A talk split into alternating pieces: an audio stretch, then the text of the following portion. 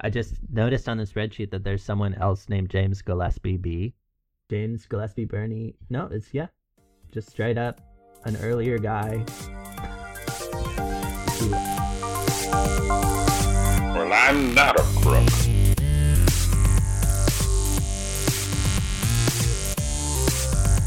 But because they are hard. Welcome to Presidential Deathmatch, the only presidential debates that matter. Today's headlines Boats Money Men.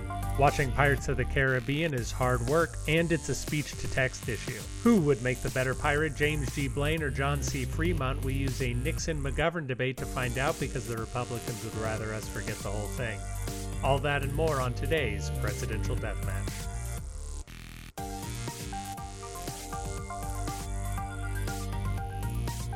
Well, on the topic of presidential homes, I went yesterday to uh, the Johnson City. Oh, yeah? Yeah, Carol and I Ah, just that was- decided it'd be a fun thing to do. So, did you go to the farm or were you just hanging out in Johnson City? We went to the farm. We went so yeah, in Johnson City proper is like one of his childhood homes, and then like the homesteads of like the original people, Mhm. you know, th- of his ancestry, like his grandfather and stuff. So that was, that was there, and Johnson City is kind of an adorable little spot. And then we went out to the um, the Texas White House, Yeah. and uh, the Air Force One half is what he called his plane that he took out there, and uh, that was cool. You got to see inside of that, and uh, yeah, and all of his cars, one of which was called the Amphicar. The Is this the amphibious car? Yeah, Yeah. yeah.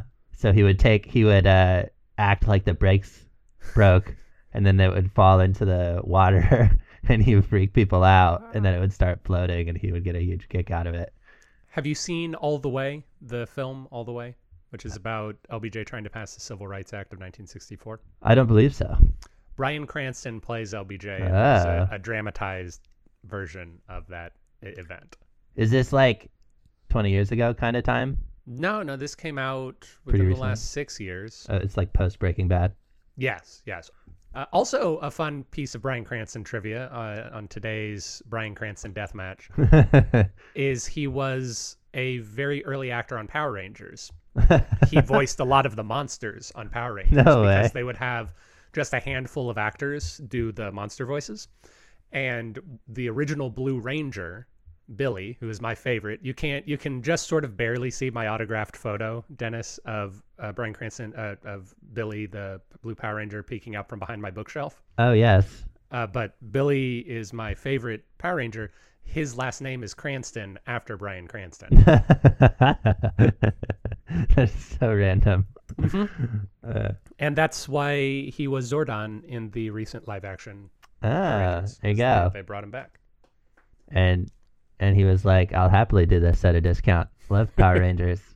I owe Awesome. everything to y'all." Yeah, Judd, one of the writers of Power Rangers. I know a lot about Power Rangers. Surprising, probably nobody. But Dennis, I, I see we have an item of Gillespie County. Yes, well, I wanted to say that while I was while we went to Johnson City, we also drove through Gillespie County, and I was like, "How fun!" Because my person today is James Gillespie Blaine. Indeed. Uh, and I, I was going to make a joke. I'm pulling out of it, and I hope that I cut this. And we will just move on forward.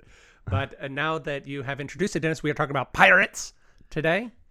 And We're all can, thinking it. I'm just saying it. Can you tell us a bit more about Mr. James G. Blaine? Yeah. So, well, I was gonna say it. Yeah. So James James Gillespie Blaine was alive from 1830 to 1893. Uh, so a Gilded Age fellow, and he was a Republican. And the interesting thing about him is that he, of the nine men that the Republican Party nominated for the presidency from 1860 to 1912, Blaine is the only one who never became president. So he is that that was that time when it was just Republicans post Civil War, except for Grover Cleveland for all Right. that time, and uh, Grover Cleveland's the person he lost to for sure. Um, there we go. he also he is like he is the person who got like screwed in the super corrupt weird Hayes election, and he also is the person who got screwed when Garfield was a dark horse candidate. So he's Because he was, uh, James G. Blaine was the leader of the stalwart faction of of the Republicans. other of the non-stalwart faction. Was he?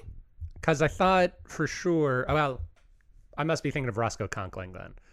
Um, but but yes, uh, James G. Blaine was the head of a faction, so you can imagine him like uh, Bernie Sanders isn't a Democrat, but how Bernie Sanders is sort of seen as the standard bearer for the progressive Democrats. James G. Blaine is is a standard bearer for a faction of Republicans, and what happens uh, when when you're that is that people don't want to nominate you for things because they view you as kind of radical. Mm. So he, so like, just to say that he kind of kept, even though he was so close to getting the nomination so many times, it kind of kept falling out to someone who was more of a compromise candidate. Exactly, which is a, big feature of pre-primary, so pre-Jimmy Carter America is the the leaders of these factions don't necessarily be get nominated for president because it, it's sort of like when you're playing a board game and you get out in the lead really quick and nobody else wants you to win, so they all sort of beat up on you. That happens a ton in presidential politics. If you're the leader of a strong faction, you start with a big base of power, but it becomes difficult to convince anybody to come over to to help you out, to help get over the finish line. And that Yeah. uh, screws James G. Blaine up. Also, Yeah. uh, known as the Continental Liar from the state of Maine, so he was not necessarily the most uh, trustworthy fellow in the American public's eyes. Yes, James G. Blaine. Yeah, which which hurts him, especially against Grover Cleveland, who had a reputation for honesty. Yes, yeah, it was like part of the reason they chose Grover Cleveland to run for the, on the Democrat side, um, because they thought it would be particularly strong candidate against against his pirate-like corrupt history. Mmm, pirates. Yes, I see. So yeah, so he was half breeds was the opposing force of Republicans against the stalwarts. He was kind of the face of that. I think the reason it's confusing is because Garfield also is that, but like he just kind of right because or is Garfield? Yeah, I sorry, I was thinking. So I was thinking that Chester Arthur was allied with James Blaine, but I actually think that Chester Arthur is allied with Roscoe Conkling. Yes, yeah. And because I know that when Charles Guiteau kills James Garfield, he shouts, I am a stalwart of stalwarts. Yeah, yeah, and he thought he would become a member of the government because he killed Garfield, which Yeah. is like obviously Which is, you know, the yeah. way things work sometimes. one of the key things to to know about all of the Salmon P. Chase kills Thur Thurgood Thaddeus Stevens and becomes Secretary of the Treasury for a bit, Yeah, as we all exactly. know. That's how that Yeah. happened. yeah Aaron Burr hmm uh didn't Etc. yeah um but yeah so yeah so Garfield said to the stalwarts hey I'll make Chester A Arthur my vi- vice president and the stalwarts were like okay We're like, and that was I think part of the reason that yeah that he cool. became more of the compromise and the dark horse choice. So you were talking about James G. Blaine. I am talking about John Charles Fremont, who's the only man I thought you said pirates, and I thought immediately John John uh, Fremont. Okay, Ja- cool. Uh, yeah, 'Cause of the mostly French. I think it's because he was accused of being a mutineer. I think that's why he was so tied in my head to piracy. Because when I started digging into it, I, I think he's actually a, a really solid choice for it. He also has that sort of romantic life that a lot of times we romanticize the life of pirates, yes, the indeed. The sort of freedom and independence and stuff. And and Fremont really lived that life, and so he he's he's useful in that way. Uh, he was nicknamed the Pathfinder, which I think is a solid pirate nickname yes. and he was alive from 1830 to 1890. He ran against James Buchanan in 1856 as the first candidate of the Republican Party. Oh, interesting. Yeah, and uh, we, you know, we're we're gonna drop a little tits and tads about old John Fremont throughout the episode, but he he's he's this larger than life character, one of these sort of classic American westward ex explorer heroes that we fall in love with. Right. And yes. he is, uh, many historians note that his life is full of improbable successes and dismal failures. Like he Mhm. just ping pongs in between being on top of the world and being in the gutter constantly throughout his life. Live a great story, they say. Yes, I'm sure it brought him and his wife and children many happiness. That's interesting. They were alive for literally the exact same period. Like the only Mhm. difference is that James G. Blaine, Blaine lived three years longer, which just really means that he lived three years of a less interesting life.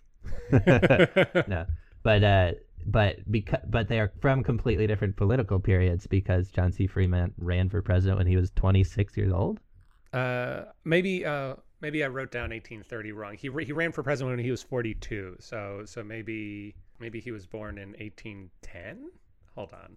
Let, let me get down to the bottom of this. I apologize. Thank you for 1813. I don't know why I wrote down Uh, 1830. you're using speech to text. Yeah, but I typed it out. So I ran speech to text through my brain, and then I was the, the dictating machine getting it wrong, like our fine platform sounder.fm. 1830 to 1890. My apologies. He ran for president as a fresh faced 42 year old. Okay. So, and whereas my candidate ran as a fresh faced 54 year old, Not too terribly different, although Dennis- of course that was the third, third, third time right? that he was trying. So, okay. So th- that's a nice, uh, nice, good old bridge to retractions, I surmise. Indeed, it is time to use our tiny silver hammer to break open the peppermint pig of retractions in 2022. Ah, you know, only someone with experience could knock that sound out of the park like that. That is true. For I, I now am a man who has destroyed and feasted on the corpse of a peppermint pig, thanks to the largesse of Alan Nancy Buddy. Uh, in Philadelphia, we brought the peppermint pig to Philadelphia. Did not bring the hammer. We had to find a hammer in Philadelphia. Thankfully, they had one or two in the city, and it was delicious. you, you had to adopt a hammer. Yes, briefly. Uh, but we were able to let some children joining it join in on the fun. Oh, they really enjoyed taking a hammer to the pig. And this was in a church. It was in a rectory, so a house next to a church. Yeah. Um, yeah, and as long as it's a yeah of the Christian variety, eating pig is totally fine. It's fine. Yeah. Uh, although the it's a graven image, so that part's a little rough Peppermint pigs, kind of where the split all started. for sure. Way back in Moses times. Dennis, I I've been reading about uh, failed presidential candidates a lot, just a ton, and I came upon an article by a historian named Leslie Southwick, and in 1998 she surveyed a number of historians for the success of presidential also rans. So they she asked the historians to imagine whether these people who had run for president would have been successful and to to rank them essentially. And I thought it hmm. might be interesting if we consider some of these. So so I will begin by saying that it is broken into five categories: superior, above average, average, unsatisfactory, and likely failure. Okay. And I think it's interesting to have two different categories for unsatisfactory and likely failure. hmm It's like a survey that you'd take about your experience trying on shoes. Mm -hmm. Mm -hmm. I always find that presidents are the shoes of American history. Well said. I can't believe it took us sixty some odd episodes to get there. Well, we're not professional historians, so we had to build up to this this amazement. So I want you to consider, Dennis. Now, remember, this is 1998, so we don't have Al Gore and beyond. the The latest person that'll be on this list is Bob Dole. Who do you think historians rated as the best likelihood for success, and who do you think they rated as the best likelihood for likely failure? Okay. I think that um the like founding fathers come to mind as people that they would have been like, oh, they would have been great. although there weren't a lot of them that failed a run for president i think that they're uh, these historians are are almost all post 12th amendment Okay. so we're not looking at that glut of like sam adamses and things of people who got electoral votes but I see. They're they're more talking once there was like legitimately people trying and losing. yes stuff. the, the earliest one i see on here is dewitt clinton who ran against james madison in his second term Well, I bet. I guess I bet he's high up. He's in the above average. He does not quite crack the top 10. The superior? Yeah. There's What only about- one person in the superior category. Oh, interesting. Yeah, when I would probably put the number two also in the superior category, but I really love number two. The number two is one of my guys. So okay, I, that's a good. That's a I good. really dig him. Yeah, that's a good tip. But um, I was William Jennings Bryan came to mind, but I feel like I, I I feel like he wouldn't be like in the superior category because he's kind of more of like a like that populism thing and like being popular because you're good at being popular. I feel like is always something that a historian's going to trip to in a negative way. I will also say that I think these historians, just by looking at who they rated highly and who they didn't rate highly, I think these historians are being very conservative in trying to look into people who had a proven track record of success. Ah, And William Jennings Bryan did not. He was a senator from Nebraska, but after being a senator from Nebraska, he was Secretary of State for a couple of years and he wasn't ever a big executive or anything. So so they actually rate William Jennings Bryan um, just just in the top half. He's at number 18 of 41 in the average category. Ah. and the vast majority of people are in the average category, which is probably a good thing. well, what about Dewey? Tommy Dewey uh, is is number ten. So I'm going to give you a hint, and you're gonna you're gonna get it immediately. This so this man shares a particular unfortunate quality with William Jennings Bryan, the person they rated as number one. oh, So if we said William Jennings Bryan is one of two men who blank blank blank, he's one of two men who his history really makes an embarrassment out of him on the whole evolution thing. Yeah, yeah, one of two. it's him and Cardinal Rishu. No, William Jennings Bryan is one of two men who ran in three separate presidential elections. Ah. The other one being, Um, uh, I will get it. I know you will. I, I believe in you. Goldwater, No, Henry Clay. Henry Clay. Oh, da da da.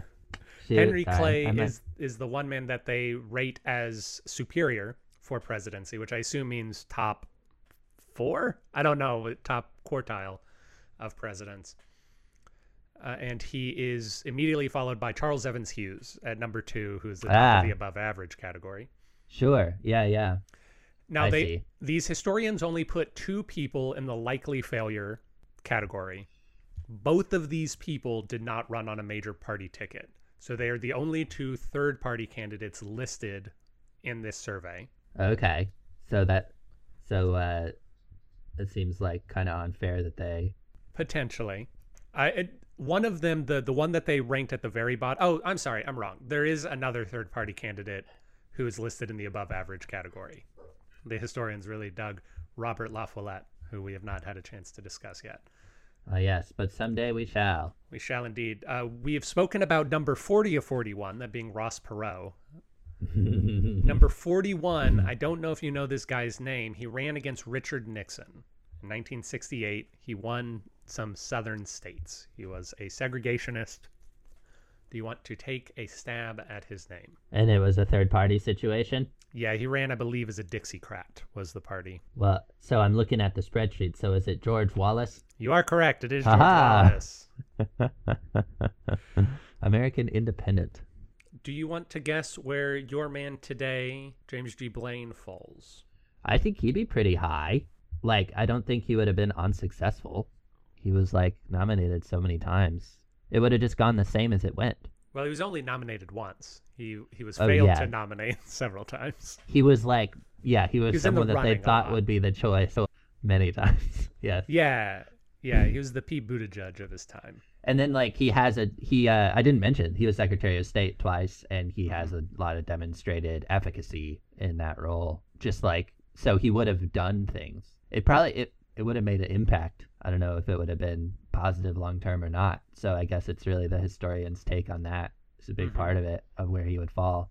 But maybe like so how many are on the list total? There are 41 people on the list total. As I said, most people are in the average category. From 12 to 33 are in the average category. So only 11 people are rated as above average or higher, and only eight people are unsatisfactory or lower.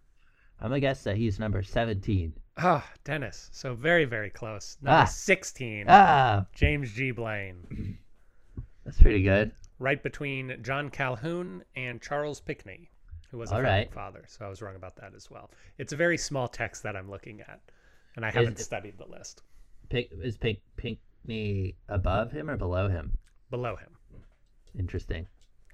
And would you like to guess where my man John Fremont? I realize you haven't been studying John Fremont, so I'm going to tell you he's he's an energetic lad. He does not serve in electoral politics a lot. He is a senator for about six months, and that is the only elected position he holds, although he is the military governor of both California and the territorial governor of Arizona during his life, neither of which were elected positions. Is he 23?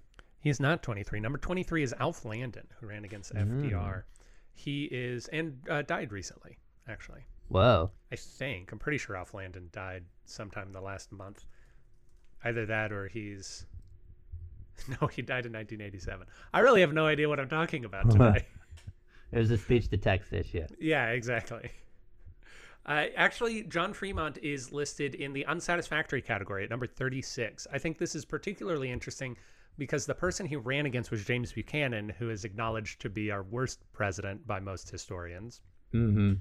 So I wonder if they think James Buchanan was the right choice over Fremont, or if Fremont, or if nobody would have succeeded in in that set Right. four years, or or what. Although we are going to learn that Fremont does not go quietly after he fails the Republican uh, to to be elected. He has a lot of run-ins with Abraham Lincoln over time, which maybe historians take a dim view on.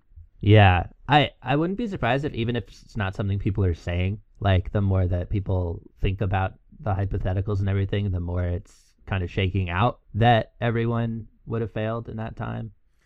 Yeah, it's it's hard to say would John Fremont, a man who was an incredible abolitionist, more so than Lincoln in his time, would he have accelerated the beginning of the Civil War? Would that have been a good thing and would he have been a poor commander in chief during that time? All of which are interesting questions to ask Yeah. some surprising things I have on while I'm looking at this poll. Uh, Number one, Stephen Douglas is up very high. Stephen Douglas, of course, ran in 1860 against Lincoln, and had Stephen Douglas become president, we likely would have had slavery for much longer. There's a good chance we wouldn't have the 13th Amendment, or we just would have delayed the Civil War longer and, and there would have been more deaths. So I'm a little surprised Stephen Douglas is as high as he is. Also, two people who ran against FDR fall in the above average category Wendell Willkie and Thomas Dewey, which I also think is kind of interesting because of how much people lionize FDR. Yeah, it's almost like that you want to sort of shine a formidable light on those people because you think of the person who won as being like you're like, oh, it was a really good competition, so Mhm. both sides must have been really good. Oh, I see what you mean. Uh, Alton Parker, who I've been reading a lot about, is ranked in the unsatisfactory category. I think unfairly, but perhaps we will talk about that whenever we get around to talking about Alton To Parker. be continued. Dun, dun, dun. Would you like to know the place of anybody else? Do you have a, a favorite also ran presidential candidate and you want to know how historians in 1998 ranked him? I I because you you said it's just 41 people, so like I know our list has some of the more minor people on there. Yeah, this is going to be the the major party candidates plus Robert La, La Follette, Ross Perot, George Wallace, uh, 1860 and 1824, both of which had four people running. All three of the failed candidates are on the list, but other than that, we don't have the more minor folks. Right? Yeah. No prohibitionists on there. No prohibitionists, sadly. No women, I presume.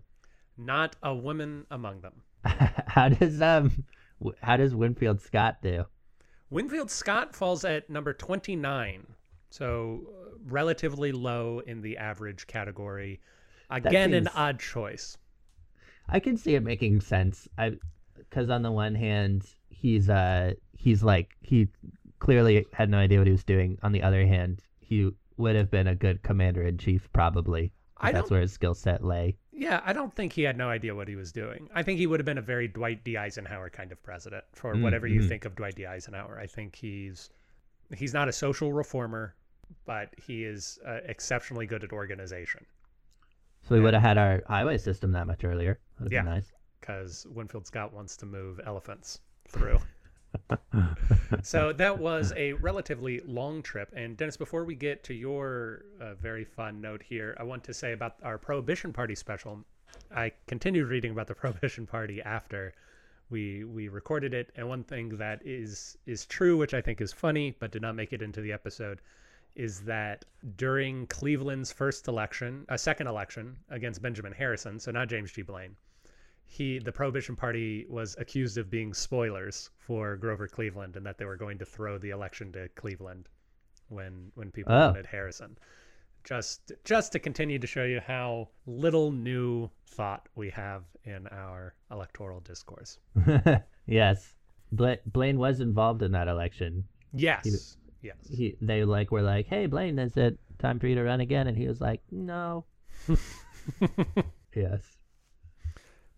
And Dennis, what do you have for us in retractions? My mother listened to the Robopocalypse episode, so I know this is a bit ago, but uh, she was like, apparently Jacob Godwin says in the episode that he's never met anyone who grew up in upstate New York in the episode, which is where I grew up. So was, and the episode was uh, had a lot of Den- Dennis. I, I think in he it. might have meant someone, not you. okay. Uh, it, Or maybe Jacob assumes, much like I assume, that you were reborn in Texas when you came here and your old history was washed away. well, there's some truth to that. So, And in reality, you came of age in in Rice University. so my, my retraction is that I put a retraction on here about Jacob Godby saying that he didn't know anyone from upstate New York uh, when I was mistakenly uh, thinking that I'm from upstate New York. exactly. When in reality, you are from Baker College. so, All right, Dennis, we need to seal up the retraction bag with all the shattered pieces of the peppermint retraction pig.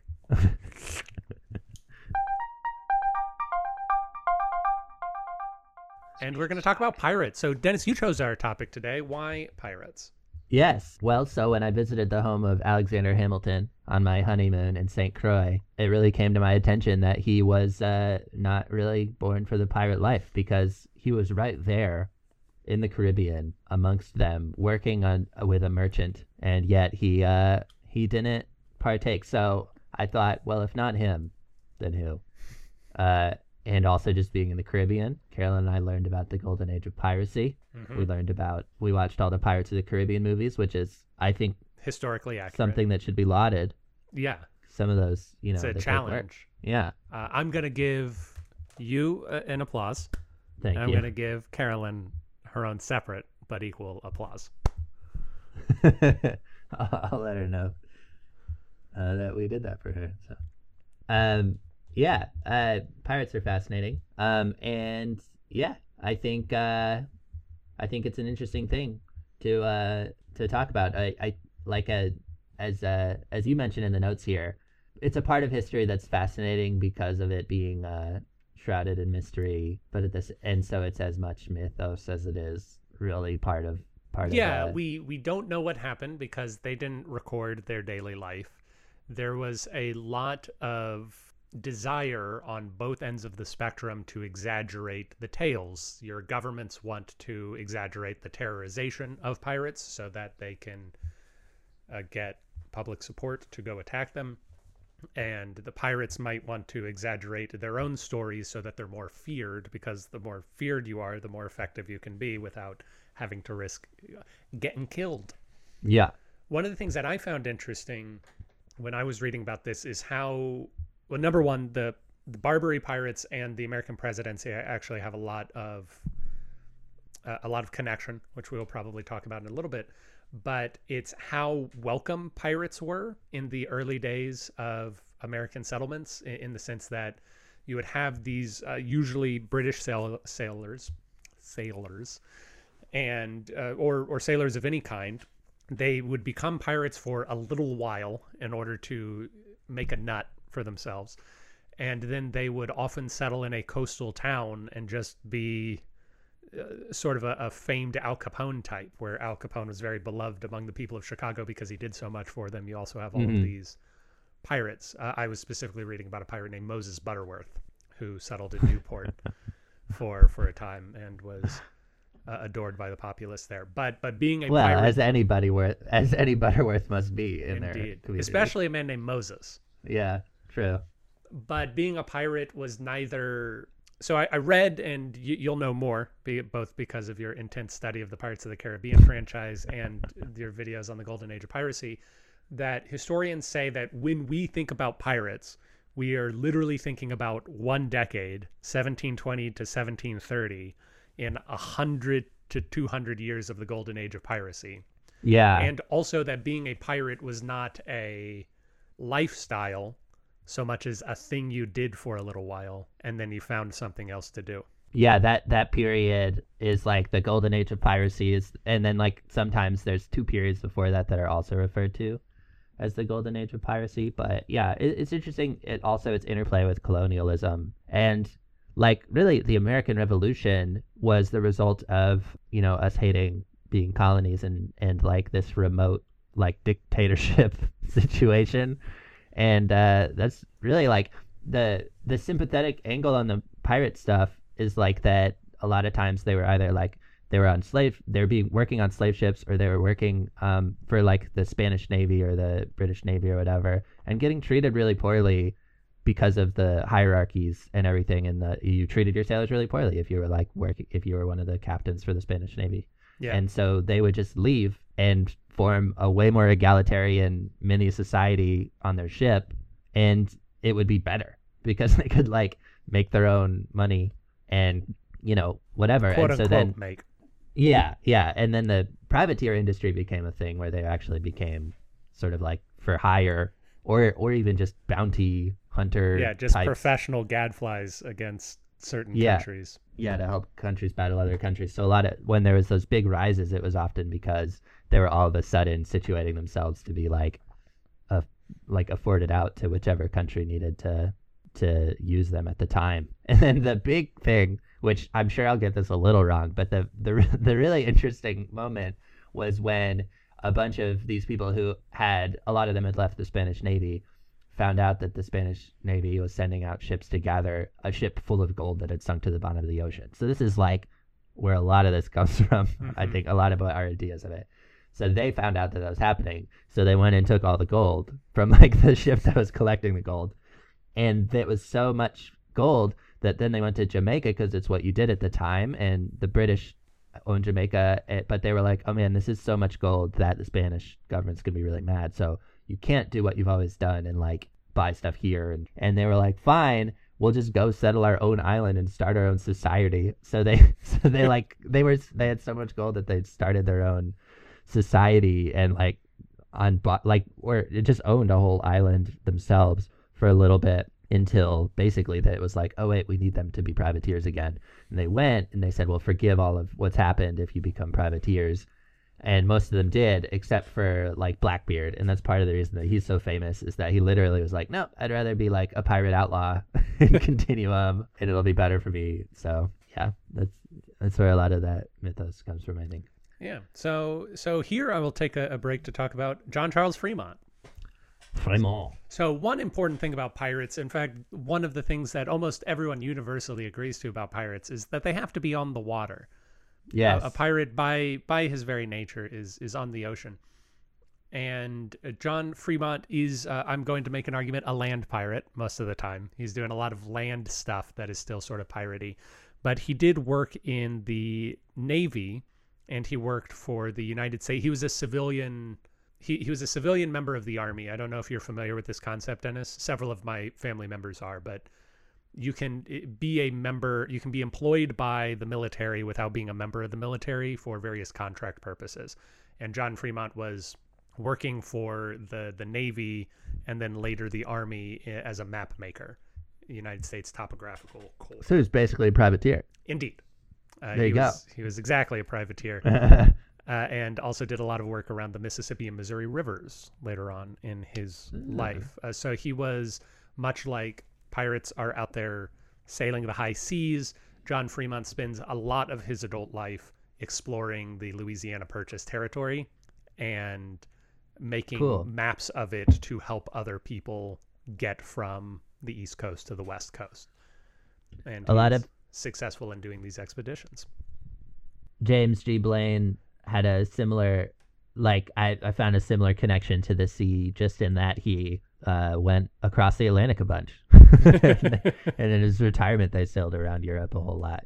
Also, that sort of imperialist thing that you're talking about with Fremont. Um, he he as Secretary of State, he rebooted expansionism and really kicked off. Like they say that McKinley diving into the Spanish American War uh, and all of that was really kind of it was a it was something that had become trendy as a result of Blaine's uh, change of strategy when he became Secretary of State. And islands, really, I think he was an island guy. He wanted Puerto Rico, he wanted Cuba, he wanted Hawaii. He's the person who basically Mhm. today in Hawaiian history. Yeah, he's he's the the pre guy to Yeah, to our various conversations about Grover Cleveland and Hawaii. He was like, I have this and I don't want it. Yeah. He, yeah, exactly. He but it was like a coup d'état happened a year after he stopped being Secretary of State in Hawaii when they took over Liliuokalani and mm-hmm. everything. And so it was kind of obvious that he orchestrated that whole situation. and there's also letters of him being like I want Cuba, Puerto Rico, and Hawaii, and I want some American Samoa, and I don't know if I want Madagascar, but I certainly want to be able to go to Madagascar. Yeah, I So want I want it to be in the conversation. yeah. And then Spanish American War was the Philippines, so he just kind of had a thing for islands. I think I don't know. Just, Well, I they're good naval much to do with bases. Uh, you're trying to make America a naval power Yeah, up through McKinley and Roosevelt's yeah. terms. So uh, very piratey, I think, of him. I, I will also say that Fremont, if if part of being a pirate, at least part of being a our modern view of piracy, is telling your own tale, like you're promoting yourself. John Fremont and his wife Jessie are very skilled at that. They they write stories about exploring the frontier where they are the central characters and they send it oh, all Oh, back to. New York and New York falls in love and Missouri also falls in love with the idea of John Fremont and Jessie Fremont on the trail, uh, wrestling bears and murdering natives. So he was like a frontiersman, truly, less than like a lavish. uh, Yes, yes, he was guy. he was a natural scientist. He actually did not have so he's he's the son-in-law of a prominent US senator. So I don't necessarily know how much comfort he has. I, I know he has a, a difficult relationship with his father-in-law because his father-in-law uh, Thomas Benton doesn't think that he's good enough for Jessie, who is a sort of like Lady Bird Johnson, uh, much more highly uh, educated than most women of her day. But so so he he's adjacent to money, but John Fremont is not a man who was born into money for sure. He was born uh, out of wedlock, and this is a thing that was used against him in the presidential election. But his hmm. mom started carrying on an affair with a French expat who was his father. And he was born out of that. His father, I thought this was just a very funny sentence. In order to make money as a child, his father taught French and dancing which which is an, an enjoyable thought. But yeah, well, he's French is very piratey. that's so true. That's good. He's a but yeah, he's a he's a natural scientist. He's a guy who goes around and he is making maps and he is drawing plants and studying animals and doing topographical research. Uh, in Cool. addition to murdering natives on occasion, not a ton, but enough that we're concerned about it. Well, uh, I don't think he made a habit of it, I think is what I'm trying to say. There's one or two major instances of it, but it wasn't a thing that he went around doing a ton of. Right, sure. You you could you could be describing Jack Sparrow in the in the Pirates sequels. Exactly. There's light light offensive. I think that stuff. the right way to think about Jessie Fremont is Keira Knightley in the third Pirates film. We're all familiar with Pirates of the Caribbean at World's End, if I'm not mistaken. That is the name of the third film. I think so. Yes. And Keira Knightley's character is really Jessie Fremont, basically ripped off from her life. hmm Yeah. Because hers happened first. Because it's all just based on true stories. especially Davy Jones. Blaine was more on the uh, lavish lifestyle side of it. I would Mm. say he uh, he had a mansion built in D.C. on Dupont Circle. It's actually about five blocks from where I used to live for a brief period. Oh, really? My D.C. summer summers place my parents had there. Yeah. So uh, I don't think I've had pizza in the building that is his mansion, but uh, you can get pizza there now. Um, and I've certainly walked by it a number of times. But yeah, he uh, he also was very uh, he was an enemy of the Greenbacks, which felt very piratey to me because the Greenbacks were in favor of during the Civil War, money could just be paper money; it didn't have to be backed. Right. And so it's like the the silver, the free silver party, and all that kind of stuff. progress that that side of economic things Yeah. and was What would was, uh, eventually become uh, the Fed. The the idea Yes. that would eventually become the Fed yeah, which really is a gold hating organization. yeah. organization, and and he was like, no, I love gold, so very piratey if you ask me. I love Golden Islands, James G. Blaine. yes, yes, you're getting it. Yeah, for sure. I I don't want to let this episode slip by without us discussing the Barbary pirate problem of the early American settlements. So one of the a a lot of times we think about history in terms of these big events, specifically wars. Sometimes uh, things like the Depression we have to get through. We, we're kind of living in one right now with COVID, We're like COVID is a big problem that we have to get through.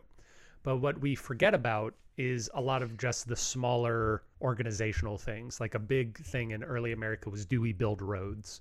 Does does the American government build roads or do we let private companies build roads because they're the ones that are using them so much so frequently? So one of the smaller but persistent issues in early American life were Barbary pirates because when America was a colony of uh, the British, the British had the biggest navy at the time, and American ships were protected by the British Navy, and they were not hit by pirates. But as soon as we became an independent country, England stopped using their navy to protect our ships, and we started getting attacked a ton by pirates to the point where when Thomas Jefferson becomes president, America is paying 20% of its annual expenditures is tribute to pirates directly Mm, man, to oh man. uh, Tripoli pirates and and Martinique pirates and things, so that we don't get attacked.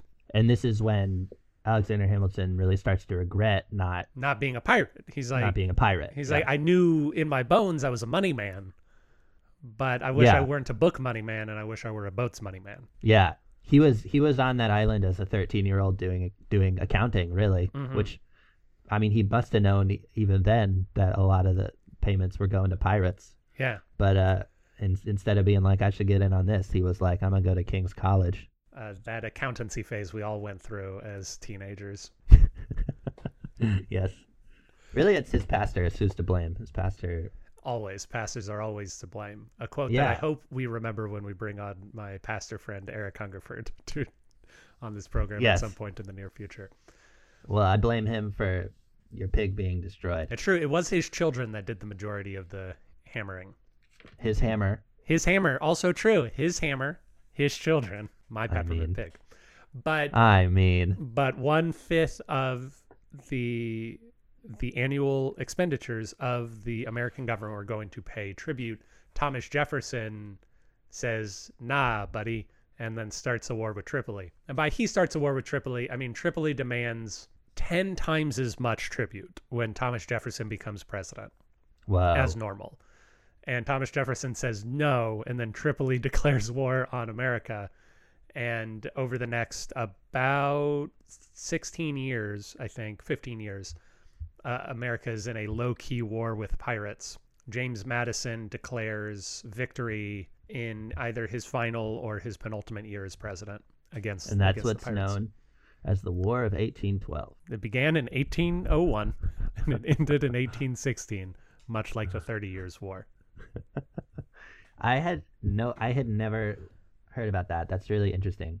Yeah, it, it's just one of those small things that are important on the day to day business of the president and the government. Of oh boy, pirates keep attacking us. What are we going to do? And Tripoli, that's that's far away. Where are we talking? Isn't that North Africa?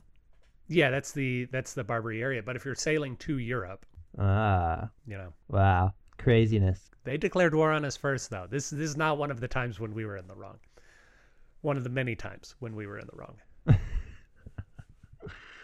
That's fascinating. So let's get uh, just a, a few more interesting tidbits out there for in favor of Fremont and Blaine, unless we've got more pirate stories to tell. I, I, I pretty much have gone through the last thing that I thought was interesting to say, which I was talking about earlier, some about how pirates kind of had the, an interesting angle on them is that really they were sailors that were like having little mini revolutions of independence. And then uh, as a result, they really valued a more democratized uh, like system on the ship. Mhm. So a captain was very much at the mercy of their crew and um, had to really prove themselves as captain or they'd get replaced. But also at the same time, um, if the crew needed wanted something, then it would be decided as a group, and it wasn't.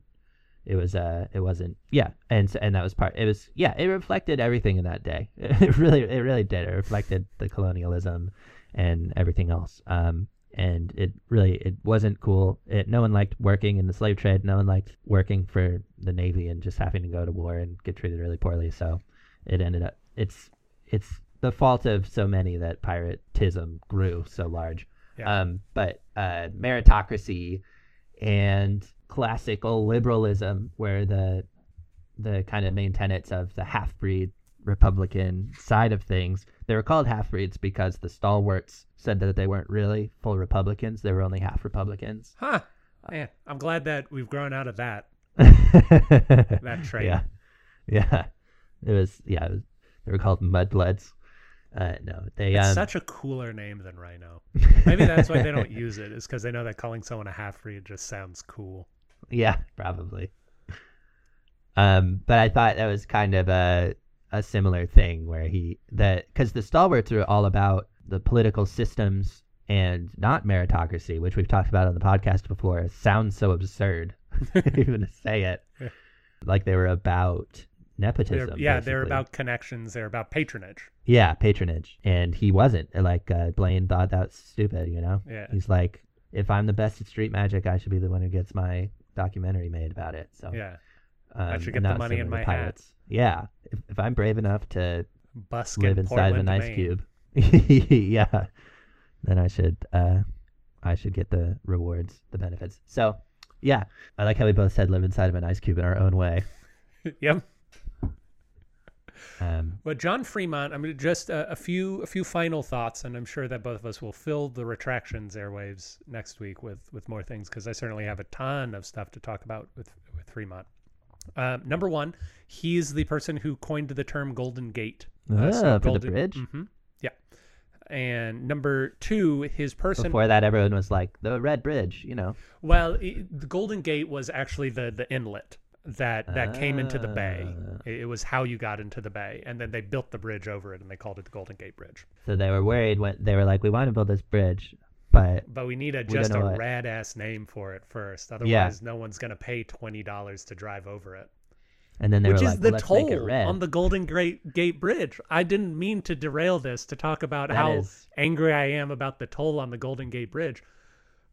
But it's Very just Californian of them. Yeah, and it takes three hours if you don't use the bridge. It's not like Yeah. in, in Houston where you're adding yeah, 10, 15 minutes to your trip if you don't want to use the tollway.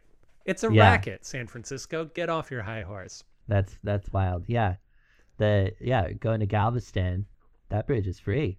Yeah, Hey man, That's what we're and, about. And there's a having to go the long way there wouldn't be that crazy. It'd be like an extra hour, maybe forty five minutes. John Fremont's personality was described as his biographer as self reliant, heedless, and adventuresome, lacking discipline uh, to overpower his passionate spirit and quick mind, which I think is a very piratey kind of feel to him. Yeah, definitely. And finally, I will discuss John Fremont's uh, biggest plunder, which was all the slaves in Missouri, which is an exciting thing. So, in uh, the the Civil War, are you familiar with the Civil War, Dennis? Yes. So, in the Civil War, this is after Civil's Fremont loses the presidency. Abraham Lincoln doesn't. Uh, a a very common thing, even today, is like like you said, James G. Blaine runs for the presidency. He doesn't get it, but the next Republican president, Benjamin Harrison, makes him Secretary of State. Happens with William Mhm. Jennings Bryan. It, it happens all the time. John Kerry as well. It happened with Blaine and Garfield Yeah, yeah, yeah. Um, as well. yes, exactly. So that is just a very common thing to happen. Now, Abraham Lincoln doesn't want uh, Fremont uh, in his cabinet for a variety of reasons, but he does make Fremont the head of the Western Division of the war. So everything west of the Mississippi, uh, Fremont is he's not the commander of the army, but he is in charge of that region. He's a regional manager for the Civil War west of the Mississippi. And this is a very big position. It's probably a pretty good one for Fremont. Now, as as we sort of know, the early years of the war don't go great for the Union, especially west of the Mississippi. Although John Fremont is a guy who chooses uh, to promote a general into a higher position of power that everybody else had written off and said, we don't like this guy. We don't think he's good or responsible. That guy was Ulysses S. Grant. John Fremont is sort of the, the man who put Grant on a path to becoming head general.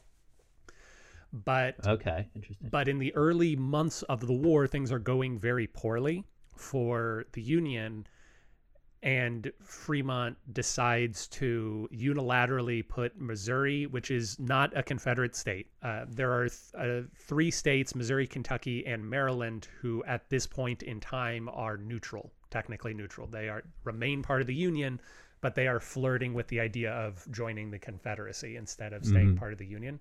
So Missouri is not a member of the Confederacy. John Fremont decides to put Missouri under martial law and years before Lincoln's Emancipation Proclamation, he basically says the same thing.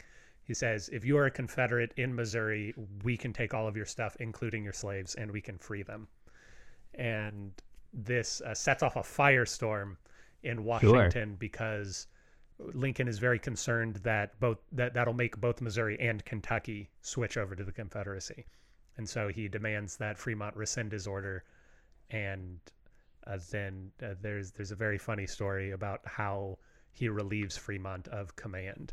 But uh, Fremont is a very French. Uh, Fremont had had gone through Europe, and he built himself uh, a, a, little like French legion of bodyguards. and Lincoln had to conspire a way to sneak a man into Fremont's fort so that he could hand deliver the orders to relieve Fremont of command. Uh, but Fremont was was a man who stole from Confederates, uh, even even if Lincoln said that it was too early to steal from Confederates. In time, it became a laudable choice. But potentially, I think it's an example of his radicalism. He he does right. this without thinking of the long term consequences. Right. Whereas yes. Lincoln does it later when there's a little bit more sure footing, and we can have all sorts of arguments as to what's right when it comes to economic yeah. problems versus enslavement of human beings and that's where i'll leave it because i don't i don't yeah. i don't want to dig into that conversation because it's a very unfortunate one to have yes indeed but dennis thank you so much i think we knocked our first episode of 2022 out of the park first recorded episode of 2022 out of the park agreed and i think we're going to be back next week to talk about who would be the who would be the best president without charisma like you rip charisma out of the person or that concern and and who's best at just sort of being the president and not having the communication aspect of it. Yeah.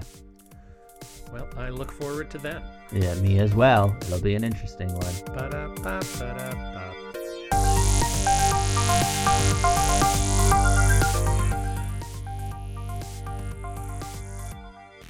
Thank you for listening to Presidential Deathmatch. Presidential Deathmatch is hosted by Aaron Garrett and Dennis Buddy and edited by Aaron Garrett. If you like the show, please consider giving us a review wherever it is. You can do that, we'd really appreciate it. If you didn't like listening to the show, well, why don't you come on back and give us another try? We really grow on you. If you want to reach out to us, you can do that at contact at pronoiatheater.com. You can also support the show in a variety of ways, including at pronoiatheater.com slash store. We hope you enjoyed it, and we hope to hear from you soon.